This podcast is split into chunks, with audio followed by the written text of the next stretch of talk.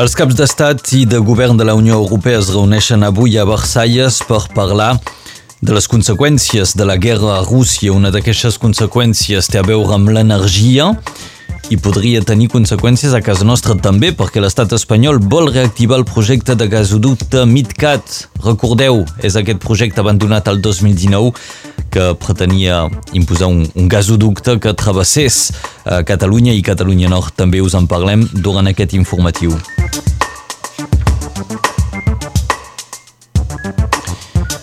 Les converses de pau a Ucraïna continuen per provar d'imposar moments d'alto al foc i l'obertura de corredors mediterranis. Turquia avui també rebrà els ministres d'Afers Exteriors de Rússia i Ucraïna també per un primer diàleg.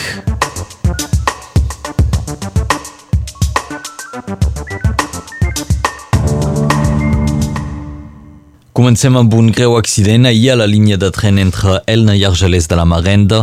Un tren va atropellar un home a mitja tarda. El tràfic SNCF es va interrompre durant unes dues hores entre Perpinyà i Cervera de la Marenda.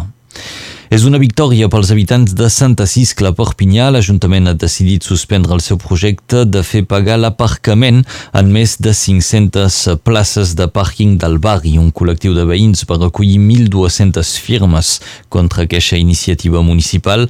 L'Ajuntament anunciarà una consulta dels habitants del barri de cara al mes de setembre. I aspirat de la Glia, el segon adjunt al Batlle, Luc Hernández, ha decidit dimitir. Les tensions amb el Batlle Filipe Forcada han anat creixent. Hernández assegura que està en total desacord amb la gestió del Batlle i denuncia mentides i hipocresia sense entrar en el detall de tot el que avui divideix, divideix perdó, els dos elegits.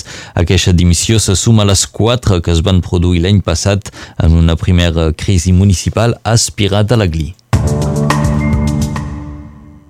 L'estat espanyol vol reactivar el projecte de gasoducte MidCat, que hauria de travessar Catalunya Nord. Una quarantena de municipis podrien ser concernits a casa nostra.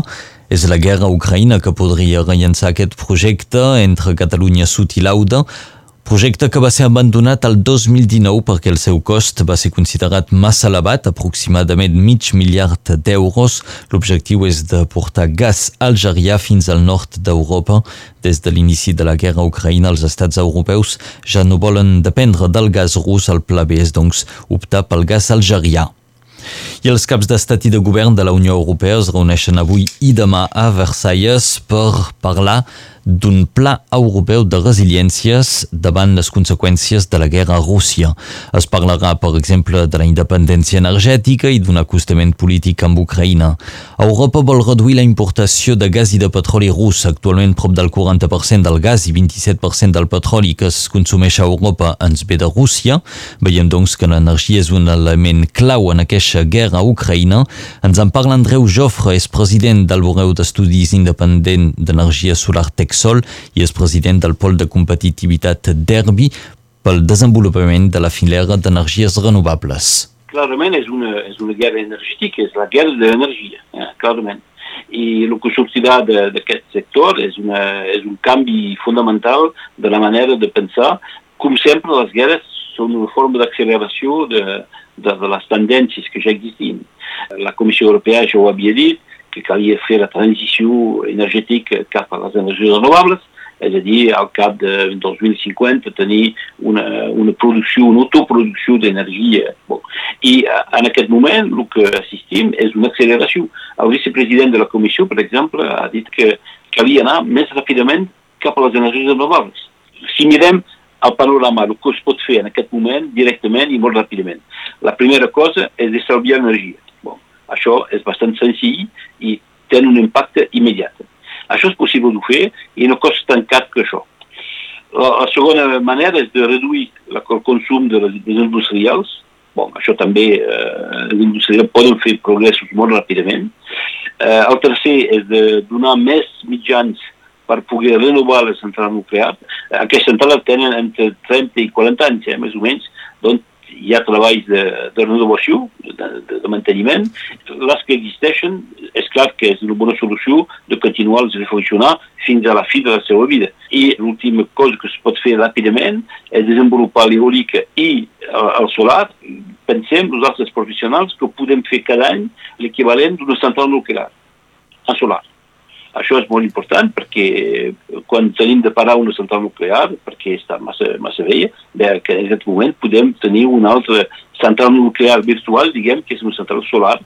Aquesta és la clau, doncs, per no dependre de l'energia russa, les energies renovables, ens ho deia Andreu Joffre.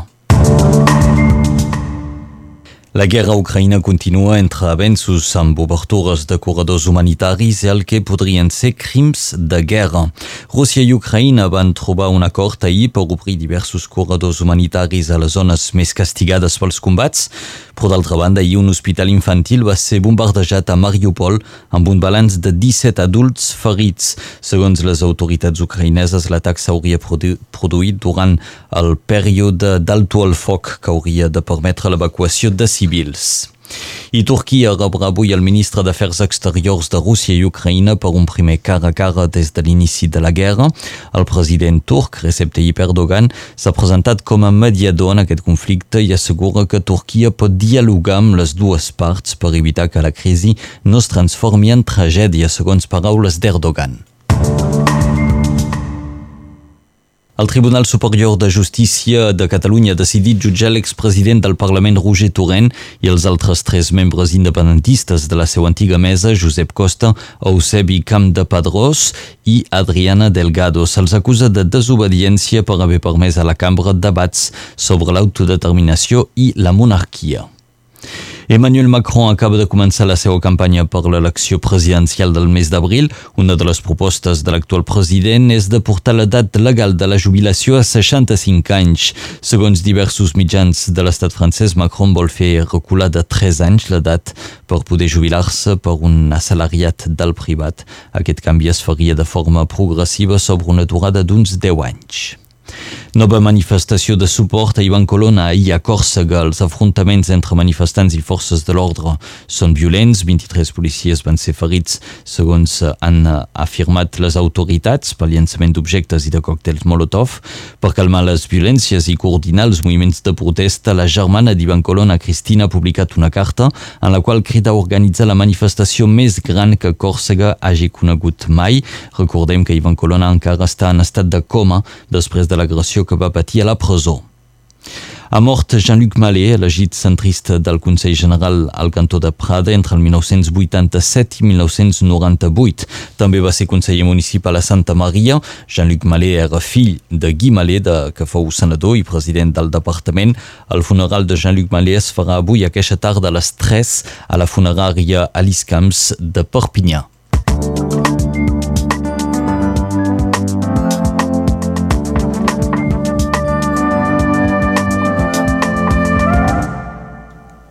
Més informació ara amb la previsió del temps.